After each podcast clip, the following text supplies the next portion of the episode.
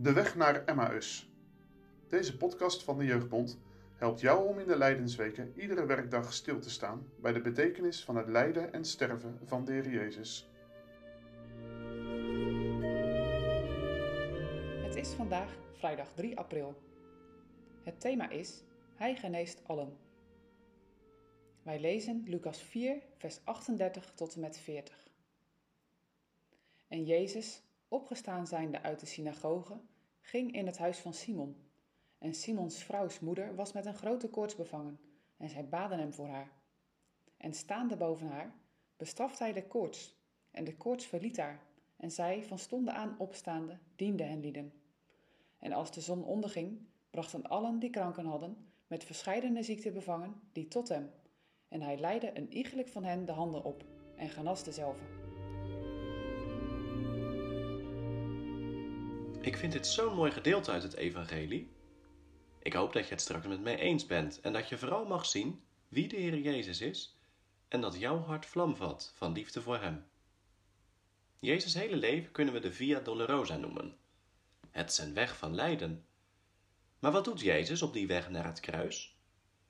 Als Jezus door de Joden is overgeleverd aan Pilatus en ze zijn dood eisen, vraagt Pilatus: Maar wat heeft hij dan voor kwaad gedaan?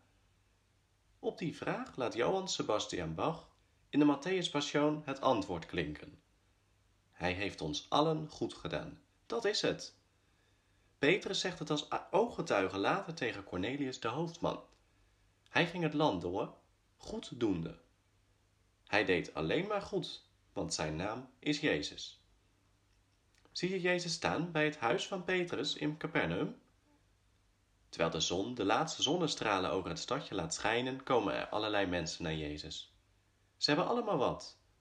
Allerlei verschillende ziektes.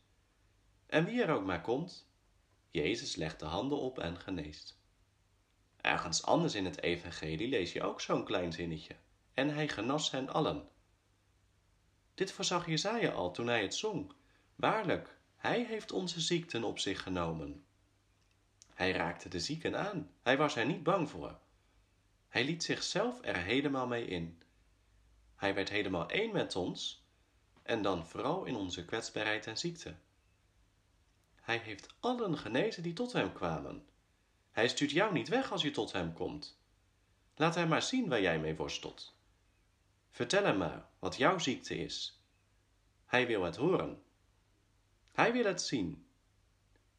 Verlang je naar genezing van je hart? Zie je uit naar vergeving? Ik nodig je daarom uit om tot Jezus te gaan. Hij wijst geen zondaren af. Toen niet en nu ook niet.